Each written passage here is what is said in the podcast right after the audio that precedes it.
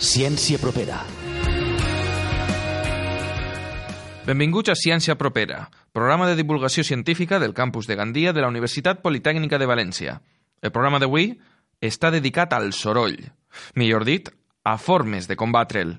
Som David Córdoba Bou, Carlos Ripollès i Sandra Barrancos. Comencem.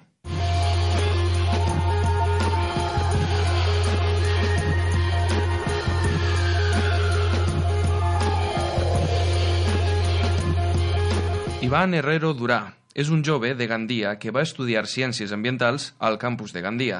Després va estudiar el màster en Enginyeria Acústica. Va guanyar el Premi de la Societat Espanyola de Acústica per a Joves Investigadors pel seu treball final de màster i ara va a treballar per a l'Agència Espacial Europea, des del campus de Gandia. Bon dia, Ivan. Conta'ns, què vas a fer per a l'Agència Espacial Europea? En què consisteix el projecte? Hola, bon dia. Eh, moltes gràcies. Eh, sobre el projecte, eh, es tracta d'un contracte entre l'Agència Espacial Europea i la Universitat Politècnica de València dins d'un marc de, de col·laboració eh, que es durà a terme, bueno, que s'està duent ja a terme eh, entre dos instituts d'investigació de, de, de la UPB, que són el IUMPA, que és l'Institut Universitari de Matemàtica Pura i Aplicada, i l'IGIC, que és l'Institut d'Investigació per a la Gestió Integrada de Zones Costaneres. La ESA té interès en investigar sobre mètodes de reducció del soroll en la, a la base de llançament degut a una problemàtica principalment deguda a que les vibracions poden provocar eh, errors, eh, trencaments en les estructures que posen en perill la, la missió i, clar, eh, això té unes conseqüències econòmiques importants. Per això, eh, l'interès que tenen en aquest projecte i eh, s'emmarca dins d'un contracte anomenat eh, Networking Partnering Initiative, que es diu eh, la beca NPI. I el teu treball en què consistirà?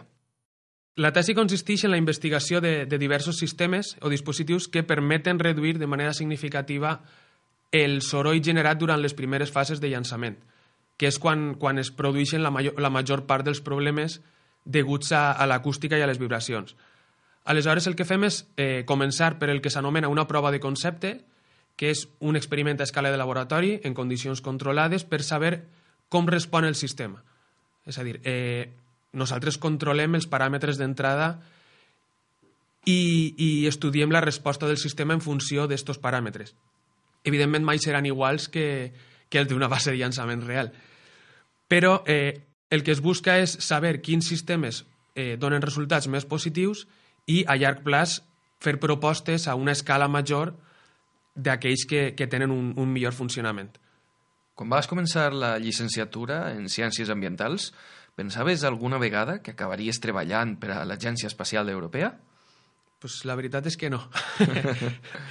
a veure, eh, principalment, bueno, quan una persona comença uns estudis universitaris sí que té més o menys clar on vol arribar o quina idea té de, de quin seria el seu futur, no? Però hi ha una gran diferència entre la meva formació d'origen, que són les ciències ambientals, al sector en el que estic ara actualment. És, aleshores, no, no m'ho agrada plantejar mai.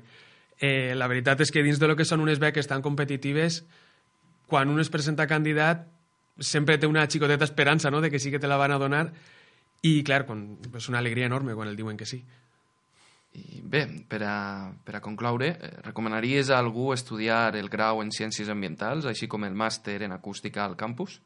Sí, absolutament sí en els dos casos. Eh, jo crec que és, principalment és un campus acollidor, encara que siga menut, però té un tracte més, més personalitzat. Eh, crec que compta amb professors molt bons i jo a nivell personal estic molt content tant en, el, en l'educació que he rebut com en el, en el tracte rebut per part del personal. Molt bé, Ivan, moltes gràcies i enhorabona. Moltes gràcies a vosaltres. Innovació. Noves tecnologies. Biologia. Ciència. Canvi climàtic. Investigació. Report Ciència. Personal investigador del campus de Gandia de la Universitat Politècnica de València ha participat en el desenvolupament d'un nou material sostenible per a l'aïllament acústic i tèrmic. Aquest material, que ja està a la venda, ha estat creat dins del projecte europeu Wood for Build, liderat per l'empresa Impelsa, i on han treballat, a més de la UPB, l'Institut Tecnològic Tèxtil ITEX, la constructora ACR i l'entitat mediambiental Envipark. Romina del Rei Tormos, investigadora de l'UPB, ens parla de les característiques del material. La llana d'ovella és conegut que és un material excel·lent per a, per a l'aïllament tèrmic, no? Sabem que cal fa la, la llana d'ovella.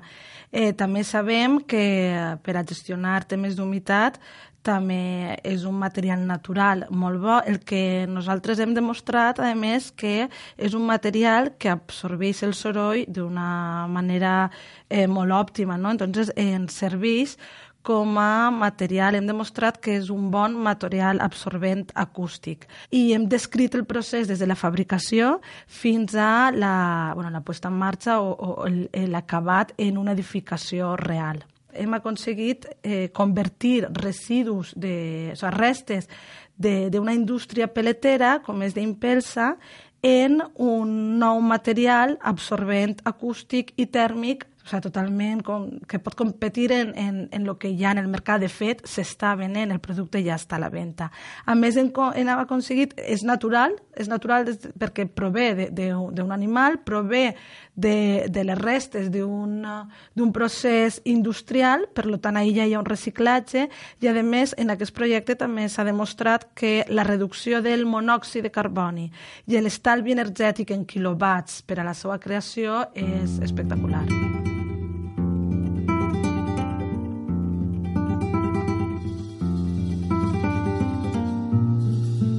Des del campus de Gandia de la UPB, on s'imparteixen estudis d'acústica, s'han mesurat els resultats de les diferents mostres. La nostra tasca com a socis d'aquest projecte europeu, que està englobat dins de lo que es coneix com a la línia Eco-Innovation, ha sigut eh, caracteritzar totes les mostres des del punt de vista acústic i demostrar que sí, les mostres elaborades a partir de pèl d'ovella poden servir per a, com a material absorbent. Aleshores, en mostres de tan sols, van començar en mostres de tan sols molt xicotetes, de 4 centímetres per 4 centímetres, hem pogut fer tot tipus d'assajos acústics, resistència al flux, eh, absorció, eh, pèrdues per transmissió, que ve a ser l'aïllament, i hem utilitzat el que diria jo, algo que és emblemàtic així en el campus de Gandia, que és unes càmeres que tenim a escala. A més, també hem fet una ferramenta molt fàcil, una ferramenta informàtica molt fàcil, que és de lliure accés, i a partir del 31 de març, que és quan acaba el,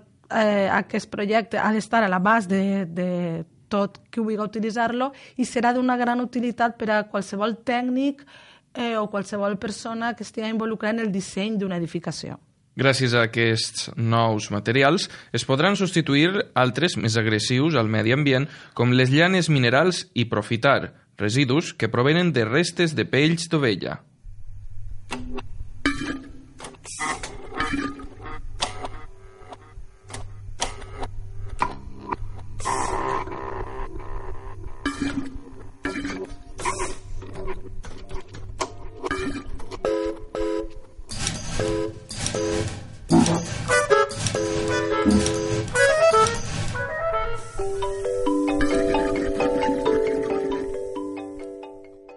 Carlos, què són tots estos sorolls?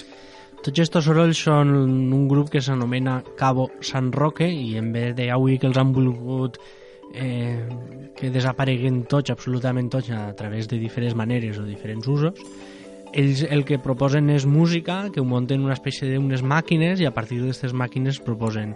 Esta és una d'aquestes composicions que fan ells.